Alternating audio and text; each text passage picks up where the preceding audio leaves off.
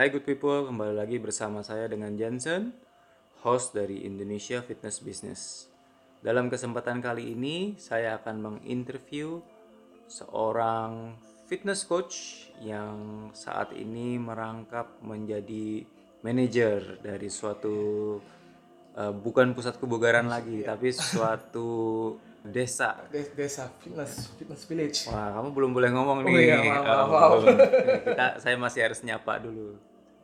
Jadi eh, namanya adalah Coach Adi Saputra dan merupakan alumni APKI eh, berapa tahun yang lalu lah. salah Saya- satu saya- yang lawas lah yang lawas, yang bisa dibilang relik-relik dari APKI sebelumnya. Oke, Coach Adi, silahkan perkenalkan diri.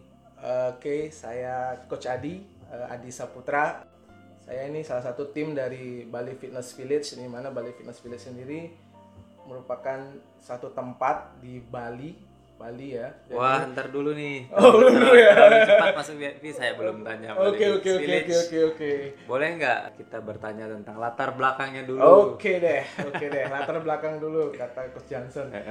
Saya sendiri eh, latar belakangnya saat ini fitness coach. Sebelumnya fitness coach pelatih kebugaran di hotel. Latar belakang pendidikannya ya saya S1 kesehatan masyarakat. Dan setelah itu masuk ke dunia fitness, kerja di hotel.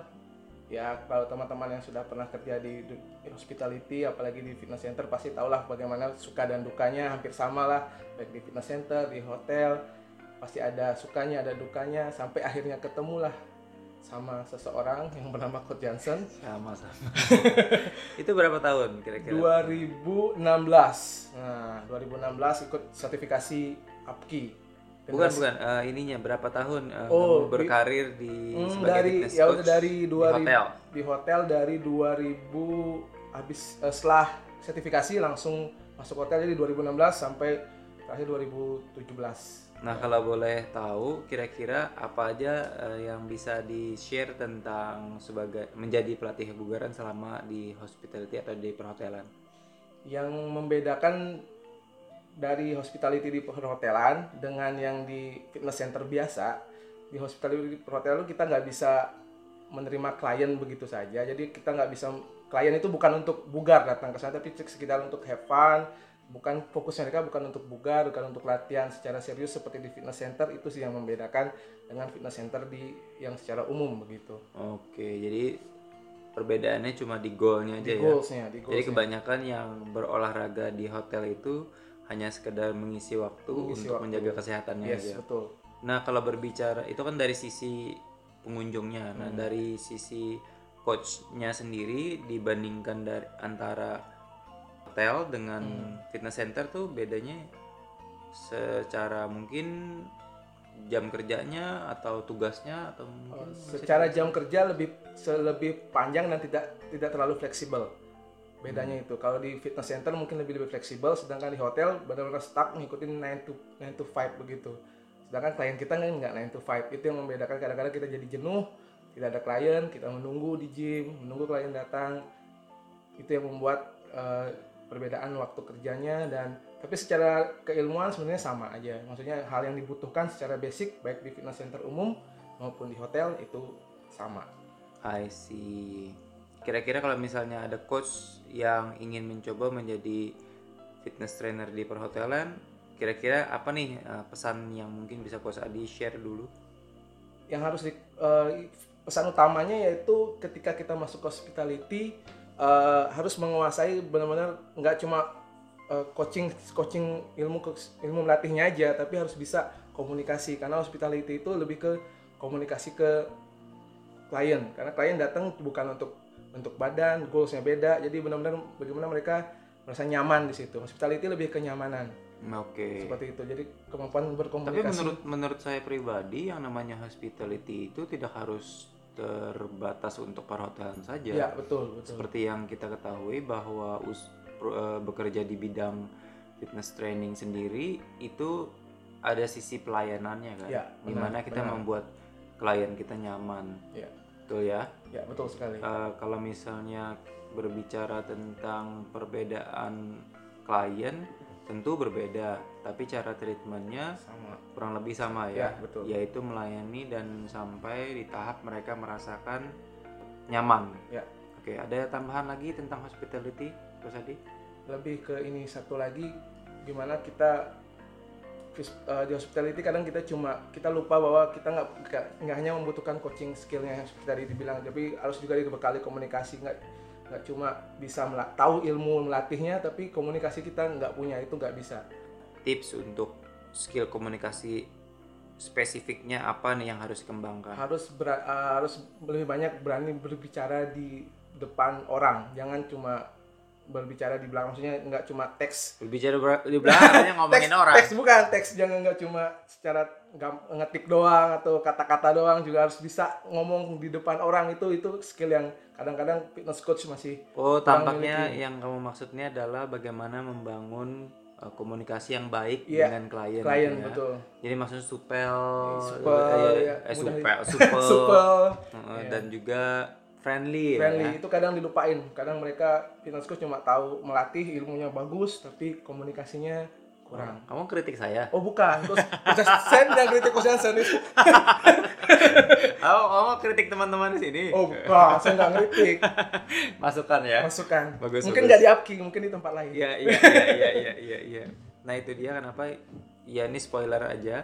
Kita pun concern dengan interpersonal Iya. skill yang di mana cara penyampaian, cara berbicara, body language memang tetap harus diperhatikan apabila kita ingin pesan yang kita uh, ucapkan itu bisa masuk lah atau dipahami Iya. oleh klien kita. Tadi, nah ini baru kita masuk Oke. ke Bali Fitness Village. Jangan buru-buru. Ini Iya, iya, iya, iya. durasinya bisa panjang soalnya. Oke, Bali Fitness Village. Pertama pertanyaan saya adalah kenapa namanya Bali Fitness Village? Kan bisa Bali Fitness Castle, bisa Bali Fitness apa pun itulah. Kenapa harus Bali Fitness Village? Kenapa namanya Bali Fitness Village? Bali eh, Bali Fitness Village kan kita kalau kita translatekan kan artinya fitness eh, desa fitness di Bali begitu ya. Karena kita ingin menunjukkan bahwa ketika kita datang ke tempat Bali Fitness Village ini nuansanya memang nuansa village, I see. pedesaan, nyaman, tenang seperti itu. Oleh karena itulah kenapa kita beri nama Bali Fitness Village dan posisi dari Bali Fitness Village sendiri itu tidak di pusat-pusat keramaian Bali, bukan di Oke. daerah Canggu atau Seminyak atau Kuta, tapi lebih ke selatan di daerah Jimbaran. Apa sebutan untuk daerah selatan itu? Bukit. Kenapa disebut bukit? Karena di situ daerahnya berbukit, tapi uniknya juga ada pantainya seperti itu. Jadi benar-benar nuansanya kalau teman-teman yang pernah berkunjung ke Bali dan pernah ke area, area selatan pasti melihat daerahnya berbukit di dan ada juga pantainya itu yang lebih nyaman Itu yang suasana membedakan pedesaannya. ya. Seharusnya disebut dengan bukit pantai dong. Bukan bukit pantai tapi kurang kurang catchy kalau di telinga. bukit pantai. Bukit pantai. Sounds wrong. Iya. Oke, Bali Fitness Village karena mengusung tema village atau pedesaan ya. Ya itu yang membedakan Bali Fitness Village dengan yang lain. Nah selain itu apa lagi? Ada lagi? Eh, Bali Fitness Village kalau dilihat kalau teman-teman pernah berkunjung dan nanti seandainya sempat waktu untuk berkunjung, Bali Fitness Village itu konsepnya semi outdoor. Jadi dia lebih benar-benar areanya tidak ter, tidak tertutup dan tapi tidak terbuka full juga. Jadi benar-benar rasanya dapat udara segar ketika berlatih. Suasananya itu yang menjadi kelebihan dari Bali Fitness Village sendiri. Pernah nggak kira-kira ada mungkin membernya yang eh, memberikan komplimen apa yang membedakan tempat itu dengan yang tempat lain mungkin? Eh, salah satu lagi yang membedakan ke- ketika kita ngomong tempat fitness ya atau fitness center yang Betul. membedakan adalah paling membedakan adalah coachnya sendiri gaya melatihnya atau gaya komunikasinya itu yang membuat sejauh ini member-member kami kembali dan tetap berlatih di Bali Fitness Village karena tidak hanya tempatnya tapi juga bagaimana para coachnya memberi pelayanan dan komunikasinya benar-benar seperti keluarga, family seperti itu. Hospitality tadi ya. Hospit- Iya, itu. Walaupun saya merasakan ada unsur-unsur jualan di sini pemirsa. Oh, belum belum belum belum jualan belum jualan. Jadi Anda mengatakan diri Anda hebat begitu. Oh, tidak. ya. Tidak, saya saya belum hebat. Jadi intinya itu yang dirasakan oleh para, Para member, member, ya. yang disebut juga sebagai apa? villagers Kenapa disebut villagers? karena ini desa penghuni desa adalah villagers jadi ketika dia Ah. datang villagers villagers the family of Bali Fitness Village are villagers Corny tapi true. yes bagus bagus bagus. Jadi mereka sendiri eh, biasanya eh, datang dari mana nih para member? membernya ya eh, pada awal Bali Fitness Village berdiri memang karena posisi kita itu di Bali eh, dan dari daerah dekat daerah hotel dan segala macam dan ekspatriat banyak di situ jadi sebagian besar memang member kita eh, kliennya berasal dari luar Indonesia mostly dari Rusia kemudian ada juga Australia beberapa dan mungkin dari negara-negara di Eropa itu awal Bahasanya bagaimana? kenapa Bahasa. bahasa sejauh ini kita memang bahasa utama yang kita gunakan pada awalnya Indonesia body language. No Indonesia dan bahasa Inggris tapi body language ditambah juga tapi memang sebagian besar kita pakai bahasa Inggris dan bahasa Indonesia Oke. itulah itulah kena- kenapa komunikasi itu penting nggak cuma mas- Betul betul. masalah Jadi bahasa. kalau misalnya bahasanya nggak bisa, bisa pakai bahasa yang lain-lainnya. ya? bisa, bis- tapi nggak nggak nggak harus Inggrisnya nggak harus British atau American gimana. Oke, yang penting oke, kita oke, saling mengerti gitu Lalu kenapa Ada si ini. Adi menciptakan Bali Fitness Village? Oke, ini ini baru kita masuk ke cerita awal Bali Fitness Village ya. Boleh. Eh, awal mulanya sebelum saya mem- ber- ber- ber- berencana membangun Bali Fitness Village ini, seperti tadi saya bilang, saya ikut sertifikasi APKI. Hmm. Awal mulanya tersesat dan masuk dan menemukan Mungkin masih tersesat Anda. mungkin sekarang juga masih tersesat Oke lanjut. dan bertemu mentor Coach Johnson. Oke. Terima kasih Coach Johnson. Sama-sama. Ayo cerita dulu. Oke, itu eh, akhirnya kita komunikasi dan saya bilang eh, kita punya eh, saya punya di Bali ada ada tempat yang mungkin bisa menarik perhatian eh, para fitness entusias untuk berlatih, tapi bagaimana caranya saya nggak ingin orientasi orang itu fitness center itu harus seperti mega gym, harus harus seperti fitness center konvensional. Bagaimana konsepnya bagaimana? Akhirnya setelah kita brainstorming dan segala macam, dibantu oleh mentornya Coach Johnson, muncullah ide Bali Fitness Village. Di mana Bali Fitness Village seperti kita jelaskan sebelumnya, nuansanya ya pedesaan, nyaman dan tenang. Itu itu awal mulanya. Kenapa dan awal mulanya kenal dan saya juga pada dasarnya passion di melatih dan pingin gimana orang-orang di sekitar Jimbaran itu awal mulanya Jimbaran dulu bagaimana mereka sehat dan rajin berolahraga lewat Bali Fitness Village seperti itu Coach. Jadi kamu menyiapkan tempat untuk warga lokal dan asing yang sedang berkunjung ke Bali lah ya. Yes. Nah berbicara tentang namanya sendiri, itu kan Bali Fitness Village tadi sudah dijelaskan panjang lebarnya. Kemudian diputuskan eh, menjadi Bali Fitness Village itu yang membuat kamu memutuskan untuk menamainya sebagai village itu kan tentunya ada konsiderasi selain lokasi. Ya. Nah, mungkin bisa di-share? Jadi lebih karena village, village itu artinya seperti rumah, seperti keluarga, di mana orang yang datang itu nyaman, merasa tenang, seperti gimana mereka datang ke rumah dan mereka ingin datang terus, datang terus. Bagaimana ketika perasaan kita pulang kampung, pulang ke desa. Oke. Nah, fasilitasnya apa aja?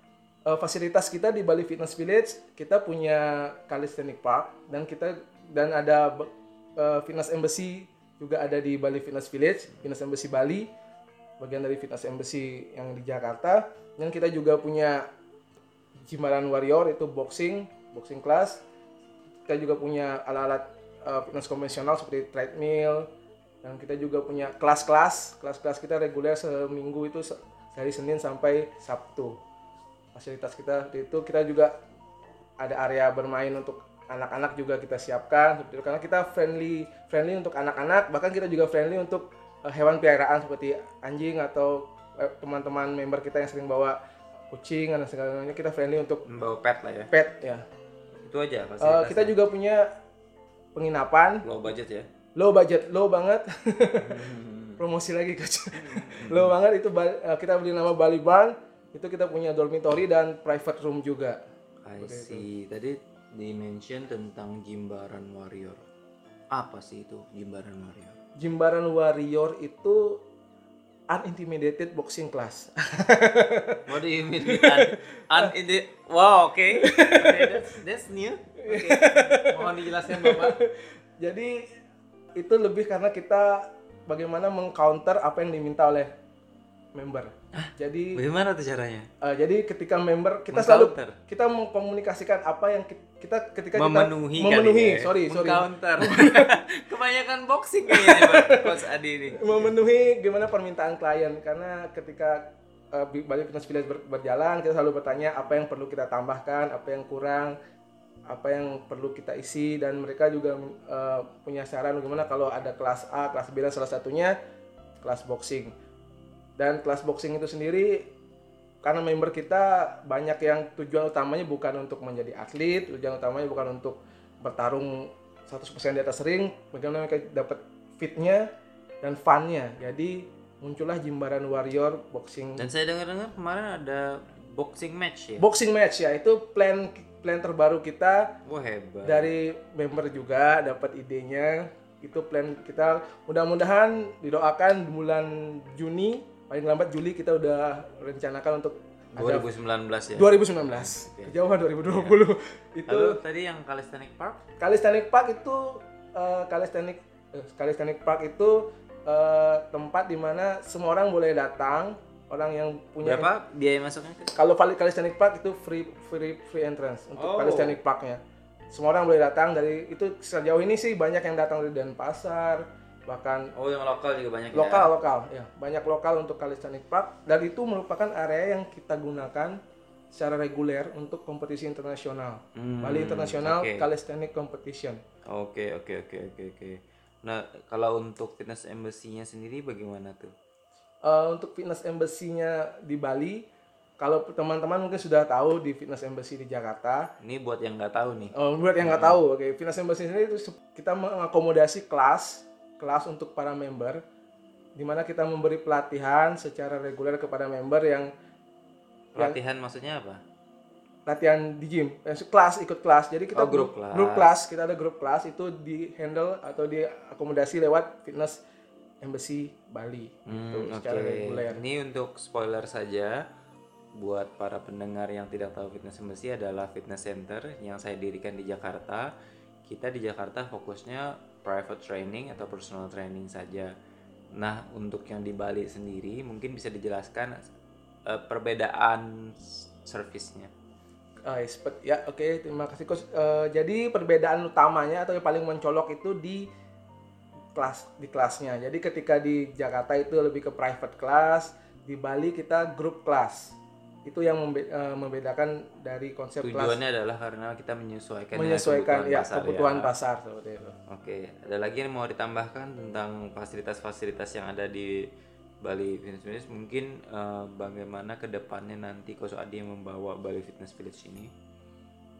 Untuk fasilitas sendiri memang sampai hari ini kita pasti terus growing. Hari ini kita fasilitas seperti sudah saya sebutkan tadi dan tentunya untuk ke depannya kita punya plan-plan dan project-project ke depannya dan salah satunya yang pertama kita akan uh, menambahkan basketball area 3 on 3 Wow. 3 on 3 basketball area di uh, halaman depan Bali Fitness Village. Kemudian kita nambahin juga ada yoga place, yoga centernya untuk yang teman-teman yang suka yoga, kita punya tempat. Ada permintaannya ada ya? Permintaannya ada, permintaannya ada dan kita juga udah ada eh, rencana untuk retreat dari Australia Wah, untuk seru bulan November, akhir Oktober awal banget. Itu November. siapa yang susun retreatnya? Itu eh, kerjasama dari tim kita di Bali Fitness Village dan eh, dari penyelenggara di Australia seperti itu. Oh, sudah kerjasama internasional berarti Oh ya? iya, bet- eh, kita sudah ada beberapa kerjasama dengan pihak dari luar juga. Oke, selain retreat sendiri apa lagi? Nah, selain itu kita juga ren- eh, rencananya ada fun area, jadi kita ada gaming area, nggak cuma olahraga tapi juga bermain bersenang-senang untuk anak-anak juga bakal kita tambahkan. Dan paling jauh eh, dan paling jauh mungkin kita ada rencana untuk ditambah skate park. Untuk Wow. plan-plan eh, ke depannya skate park karena antusias untuk skate park di Bali sendiri juga cukup tinggi. Dan area untuk area area kalistenik juga kita plan untuk lebih perbesar lagi. luar biasa ini kan berbicara ekspansi ekspansi dan kelebihan kelebihannya nah boleh nggak kira-kira diceritakan bagaimana perjalanannya Waduh. suka dukanya Waduh, waduh, waduh, waduh. Tadi, tadi sukanya Waduh, aja iya. perjalanannya bagaimana nih Sebenarnya enaknya duka dulu ya biar enak kamu, tapi nggak apa-apa sama saja Sama saja. kalau boleh diceritakan suka dukanya bagaimana tuh dalam mendirikan Bali Fitness Village Oh, Oke. Ngomongin duka eh, ada enak ada enggaknya, tapi ini memang- memang harus kita sharing. emang duka ada yang enak Kadang-kadang kita harus eh, duka itu harus dinikmati sehingga kita bisa berkembang. oke lanjutkanlah Oke, eh, ketika membangun pa- pada umumnya sama seperti membangun fitness center di mana pun itu selalu ada tantangan. Kalau teman-teman sudah pernah dengar eh, podcast edisi pertamanya Mas Johnson, di situ pasti kita tahu bahwa membangun fitness center itu bukan sesuatu yang mudah dan tantangan terbesarnya ya kita harus punya lokasi dulu, punya modal dulu, tapi salah satu yang mungkin beberapa orang lupa adalah masalah terbesar kita kadang-kadang adalah di tim kita sendiri. Artian dalam artinya kita tidak punya sumber daya manusia yang cukup baik untuk mengembangkan dari fitness center itu sendiri. Kalau dibilang baik, menurut saya yang cocok. ya. Yang cocok ya. Karena kebanyakan intensinya adalah baik, tapi bagaimana mencari tim yang cocok dengan gaya kerjanya atau disesuaikan dengan kebutuhan tempatnya itu sendiri. Jadi yang pertama yang harus diaddress mungkin adalah timnya itu ya. Ya, betul. Nah berbicara dengan tim, kira-kira apa sih yang menjadi kriteria bahwa suatu anggota tim itu baik menurut coach, Adi? Eh, menurut saya bagaimana tim itu baik atau enggak itu ditentukan dari pertama keinginan dari tim itu merasa me- memiliki rasa oh tempat ini adalah tempat kami bukan saya bekerja di situ bukan saya em, mencari uang saja di situ tapi bagaimana tempat ini adalah saya saya saya adalah tempat ini jadi ketika Sense of belonging. ya sense of belonging dari coachnya itu dari tim itu akan membuat fitness center itu sendiri dan dari dalam hal ini Bali Fitness Village itu sendiri berkembang sense of belonging itu yang paling Apa langkah-langkah yang coach Adi ambil agar timnya memiliki sense of belonging? Itulah yang menjadi tantangan kami gimana kita menyadarkan termasuk diri saya sendiri bagaimana kita Betul menyadar betul itu Iya. betul. Bahkan pemilik pun kadang-kadang Iya, tidak kadang- memiliki sense of ya betul kadang-kadang kita harus menyadarkan eh, diri kita sendiri dan tim untuk ini loh tempat kita jadi kita harus lebih sering duduk bersama berkomunikasi Ah, itu caranya. Iya, apa yang menjadi kelebihan, apa yang menjadi kurangan itu harus dis- disatukan sama-sama, sering brainstorming, storming, jadi kita tahu ke mana arah dari tempat Memberikan peran ya. mereka semua punya. Ya, gimana kita tahu bahwa ini tempat kamu, kamu punya peran ini ini ini, jadi sense of belonging-nya akan tumbuh dengan sendirinya. Let's say ada anggota yang bagaimanapun sudah di encourage, dijelaskan, tapi tidak memiliki sense of belonging. Kira-kira apa yang coach Adi lakukan terhadap anggota-anggota yang mungkin ya memang begitu nature-nya adalah dia datang untuk bekerja. Tidak dipungkiri ada juga yang datang bekerja untuk cari uang saja. Ya, betul. Itu bagaimana coach? Eh, itu salah satu hal tersulit yang memang harus kita pertimbangkan dalam artian ketika kita sudah mengambil langkah untuk mendirikan fitness center atau di, dalam hal ini Bali Fitness Village kita harus punya sedikit rasa tega atau itulah eh, salah satu jiwa leadershipnya gimana kita nggak bisa membanyak menggunakan terlalu perasaan atau gimana kita harus punya rasa ini nggak bisa maju kalau terus Kalau saya bilang dipertahankan. tega mungkin disebut lebih logical, ya lebih logis. lebih rasionalnya ya, Kita nggak bisa terlalu emosional ya. emosional dalam hal ini ya memang harus untuk maju kita harus berani meninggalkan seseorang atau bahasa kasarnya kita singkirkan seperti itu Hmm. untuk maju kita harus kalau kita ingin maju mau tidak mau harus ada Saya yang pernah dikorbankan mendengar video Gary Vee juga yang mengatakan bahwa dalam merekrut tim itu itu masih gambling. Yap. Tapi di saat kamu memberhentikan satu tim itu sudah pasti. Jadi memang tough position. Makanya ada istilah yang kalau ingin membahagiakan semua orang jualannya es krim. Iya. Bahkan es krim aja banyak rasanya. banyak rasanya Jadi ya serba salah dan di situ seninya dalam membangun suatu tim ya. Nah itu yang pertama SDM ya. Yang kedua yang kedua masalah tempat tempat uh, Masalah atau challenge nih? challenge Kalau lebih ke challenge ya Masalah gimana gitu? Iya. Masalah terus. Nah, Challenge-nya tempat ya. challenge tempat karena kalau teman-teman mungkin beberapa teman-teman yang atau pendengar di sini yang sudah pernah mendirikan atau sedang mendirikan fitness center pasti sedang berpikir gimana fitness center kita itu ada di tempat yang main, apa tempat utama di jalan utama kah Strategis. strategis kah? Mungkin itu memang menguntung, menguntungkan. Maksudnya kalau pertimbangan itu memang salah satu pertimbangan tempatnya strategis. Tapi tempat kami di Bali Fitness Village ini tempatnya bukan tidak menguntungkan tapi bukan di jalur utama. Bukan di jalur utama bukan di jalan utama. Itu menjadi challenge buat kami bagaimana bisa menarik orang untuk datang ke tempat kami. Itu yang menjadi challenge Nah, yang kedua selain SDM-nya itu sendiri, apa itu kira-kira kendala atau challenge-nya? kendala atau challenge-nya sendiri yang kedua yaitu masalah tempat. Jadi tempat itu kalau kita tahu untuk membuka suatu usaha apalagi fitness center tempat itu salah satu yang harus dipertimbangkan harus strategis lah harus di jalur utama lah. Dan itu jadi challenge buat kami di Bali Fitness Village. Karena posisi kami bukan di jalan utama dan kalau dibilang strategis tidak terlalu strategis itu yang menjadi challenge bagaimana kami Bisa dijelaskan kira-kira strategis itu maksudnya apa? strategis itu ah, maksudnya di- berada di posisi di mana orang ketika ketika itu ada di eh, ketika orang itu lewat oh dia tahu oh di situ ada fitness center namanya Bali Fitness Village Hmm, maksudnya di jalur di utama. jalur utama iya betul Oke, kenapa disebut dengan tantangan oleh Kusadi itu? karena posisi Bali Fitness Village sendiri itu berada di dalam. Artinya harus men- sedikit effort untuk sampai ke tempat kita sebenarnya. Jauh. tidak terlalu jauh. Bahkan dari sebenarnya posisi kita dekat sekali dengan pantai cuma 8 menit jalan kaki. Oh, itu itu strategis kalau kita lihat dari tapi bukan di jalur utama. Susah ditemukan kalau kita tidak nah, melakukan apa apa upaya yang kamu lakukan?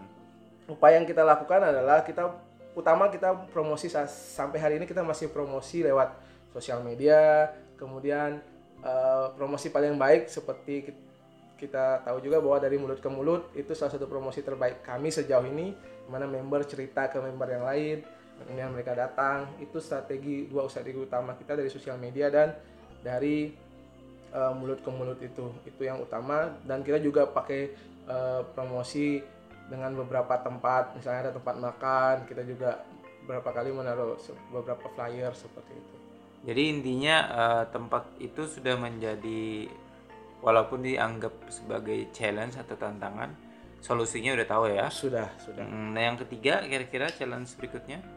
Nah, berikutnya gimana merubah mindset orang sebenarnya Merubah.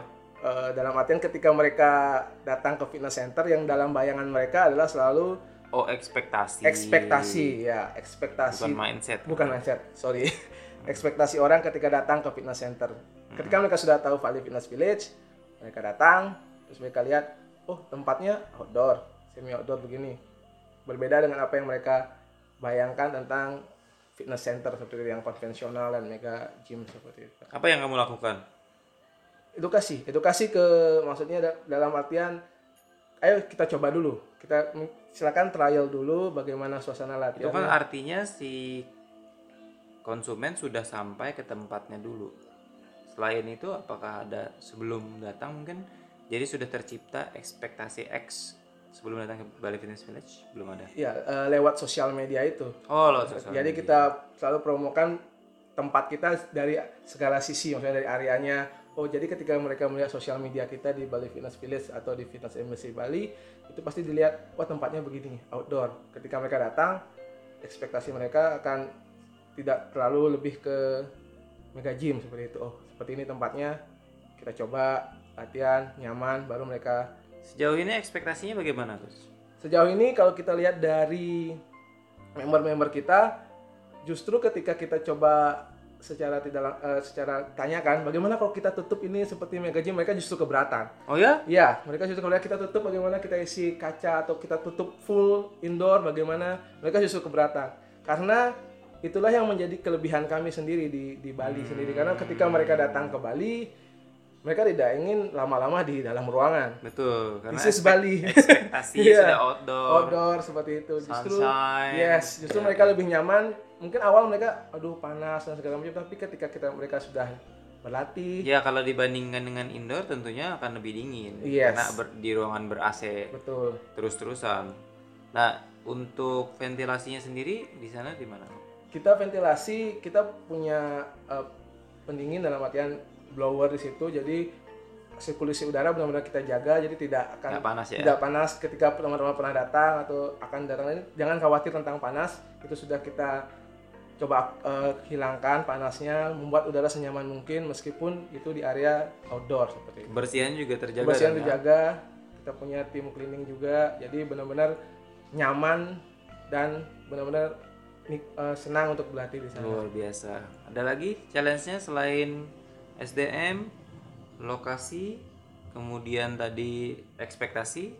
Yang keempat mungkin ada lagi? yang keempat challenge-nya dari tim sendiri jadi kita kadang-kadang terlalu kom, eh, terlalu jauh mengcompare diri dalam artian kita terlalu membandingkan bahwa fitness kita area kita dengan kenapa masih sepi awal-awal kita mendirikan pasti selalu berpikir kenapa tempat ini sepi main block jadi kita selalu memblok pikiran kita kenapa tempat sepi, sepi tempat ini sepi kenapa kita tidak seperti gym lain yang ramai apakah kita perlu menutup ini supaya jadi indoor kadang-kadang dari tim sendiri itu menjadi Hmm. masalah gitu.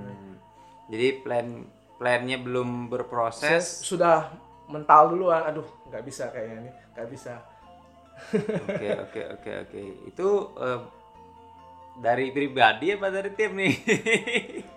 pribadi dan tim Jadi oh, kenapa ini nggak bekerja? Kenapa ini mungkin ini nggak efektif gitu ya iya maksudnya? betul Sebenarnya kalau boleh memberikan saran dari uh, my point of view adalah proses itu penting dan kebanyakan hasil yang instan yang diinginkan oleh uh, anak muda atau generasi saat ini di mana proses itu sebenarnya yang membentuk suatu tim yang solid. Kemudian perusahaan bisa maju apa pun itu bidangnya proses yang membedakan winner and loser.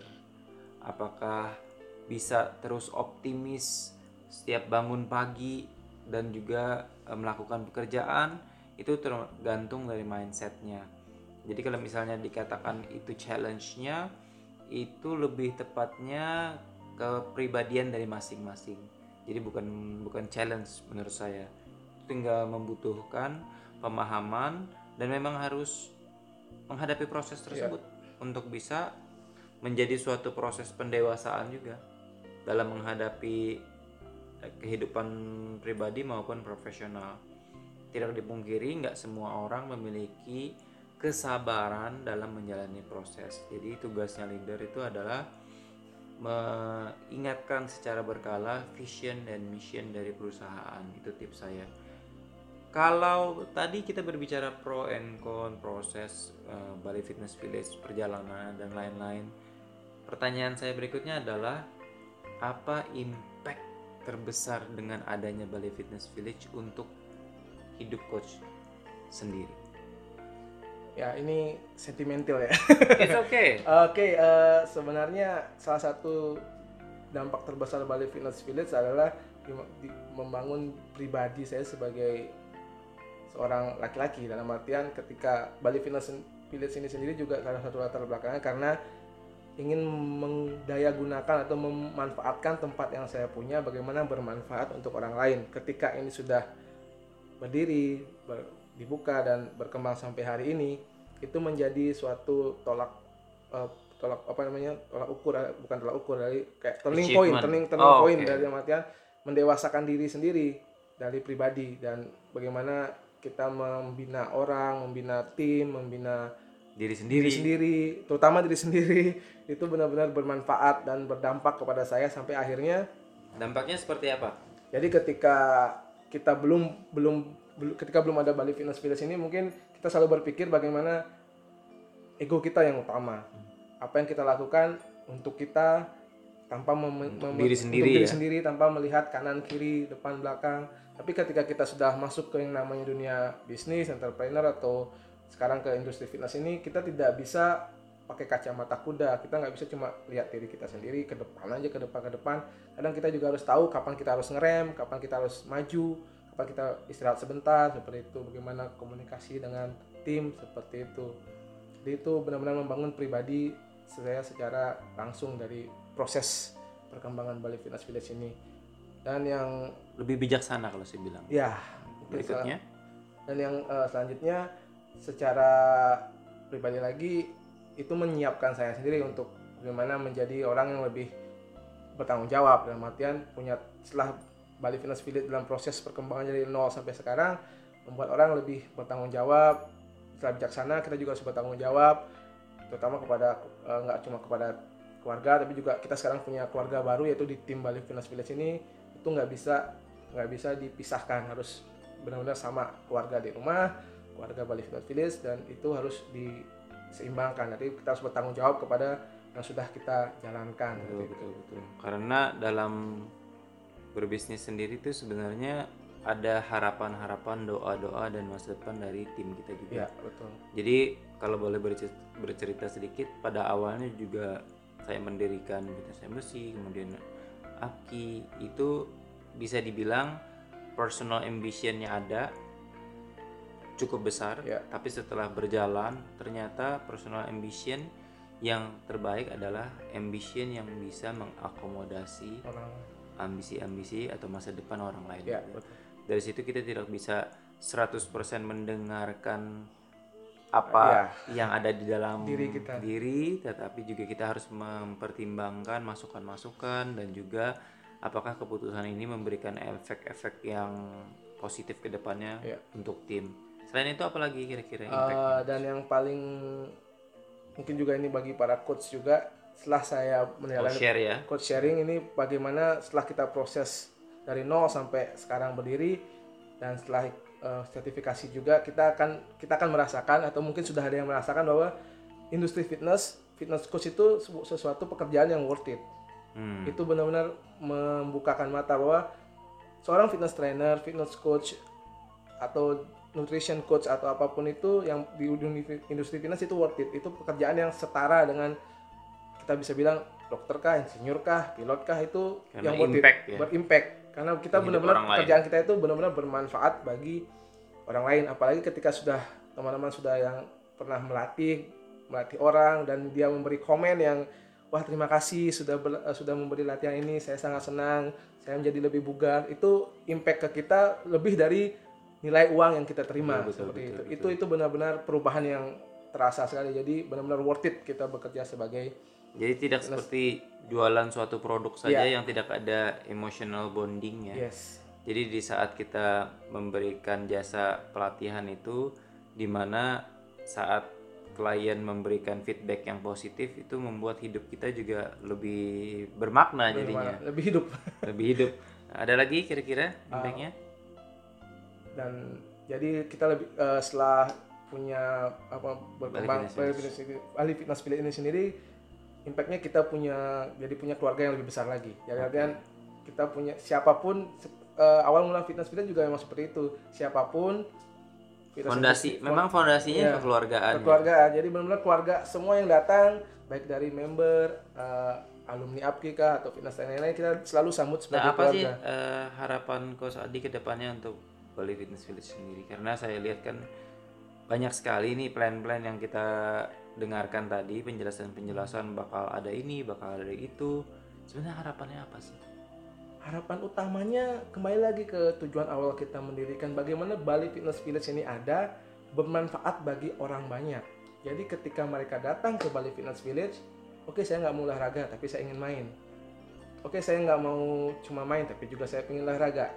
Mereka temukan semua di Bali Fitness Village. Tujuan utamanya yaitu kembali lagi berguna dan bermanfaat bagi orang lain dan menjadi tempat eh, seperti rumah bagi para fitness coach yang ingin eh, ke- eh, apa namanya belajar atau apa ketika datang ke Bali. Ayo kita sharing komunikasi. Jadi kayak rumah. Bagaimana rumah ini village ini jadi milik untuk semua. Dan ketika datang kalian adalah keluarga. Ketika pergi kalian tetap keluarga. Wah, luar biasa sekali. Karena nggak ada orang di sini, jadi saya aja yang tepuk tangan. Wah, luar biasa. Oh ya, ini kan baru lahiran istrinya, Oke. baby Gia. Baby Gia. Kira-kira bukan kira-kira lagi tampaknya Bali Fitness Village akan diteruskan Oh, pasti. oleh BBJ ya. Wah pasti ya. pasti. Itu personal ambition tuh kalau bilang pasti. bukan personal ambition. Nanti ketika para coach juga punya tim kami kalau punya anak juga jadi rumah mereka juga Oke, itu. jadi kemungkinan besar akan legasinya akan diteruskan oleh Oh, BBJ pasti ya. su- sudah ada yang akan meneruskan lah intinya ketika ketika kan nanti kita Saatnya. saatnya semua pasti jadi ini bukan proyek jangka pendek, proyek jangka panjang, Super panjang super ya. panjang. Dan eh, satu lagi ketika teman-teman punya keinginan untuk bikin fitness center itu bukan suatu pekerjaan atau proyek yang setahun dua tahun pasti akan langsung boom atau bagaimana. Itu proyek yang harus mindsetnya harus dibikin ini proyek bukan untuk hari ini bukan besok tapi jangka panjang. Itu yang harus tidak boleh dilupakan Proses itu. proses itu penting seperti tadi coach Jansen Luar biasa. Aduh sharingnya terima kasih banyak Mas kasih. Adi.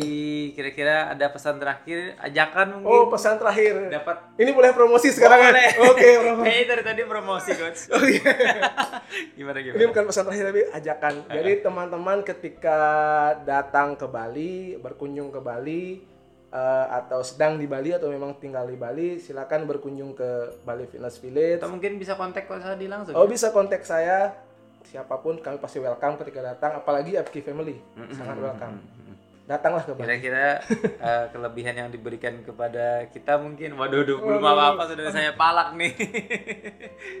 Oke, sebagai penutup aja. Kira-kira apa pesan yang bisa kamu berikan ke sesama coach? Pesan utama yang bisa saya berikan ke sesama coach jangan pernah menyerah dengan apa yang kamu lakukan terutama di fitness industri yakinlah bahwa kamu pantas dan berarti menjadi seorang fitness coach dan jangan lupa bahwa proses itu tidak akan mengkhianati hasil Asik, bagus keren-keren. Nah, untuk yang ingin membuka usaha di bidang fitness. untuk teman-teman yang ingin membuka usaha di bidang fitness seperti tadi saya bilang kunci utamanya saya tempat ya. Kita tidak ngomong tempat lagi tapi kunci utamanya adalah bagaimana teman-teman bisa membentuk atau mungkin tidak akan cepat tapi membentuk tim yang solid untuk solid dan tepat untuk fitness center teman-teman. Karena kunci utama fitness center bukan tentang fasilitas tapi para coachnya SDM-nya itu yang akan menentukan sukses atau tidaknya suatu fitness center. Jadi semakin baik timnya, maka kesuksesannya juga semakin besar Besar, ya, ya. tingkat bukan kesuksesannya. tentang semakin canggih alatnya semakin bagus fitness centernya bukan tapi SDM-nya Betul, karena mereka menggunakan prinsip tidak ada batang akar tumbuh. Jadi palu gak ada. Palu gak ada. Apa lu mau? Gua Gua ada. ada. Oke, terima kasih para listener, good people and all the coaches and thank you for ya Coach sama-sama Adi. Coach Johnson dan kita doakan semoga Bali Fitness Village berkembang terus dan memberikan manfaat untuk seluruh warga Bali dan semua pengunjung yang berasal dari seluruh dunia. Terima kasih. terima kasih Coach Johnson Nah itu dia interview saya bersama Coach Adi. Semoga memberikan manfaat untuk seluruh listeners dan coaches. Banyak sekali proses-proses yang dapat kita petik manfaatnya dari perbincangan hari ini. Tentunya suatu achievement tidak bisa dicapai tanpa proses maupun perjuangan. Jadi semoga dengan adanya podcast ini dapat memberikan motivasi dan encourage untuk teman-teman coach sekalian untuk tidak gampang menyerah dan mau terus berjuang mengejar mimpinya. Sampai jumpa di lain waktu.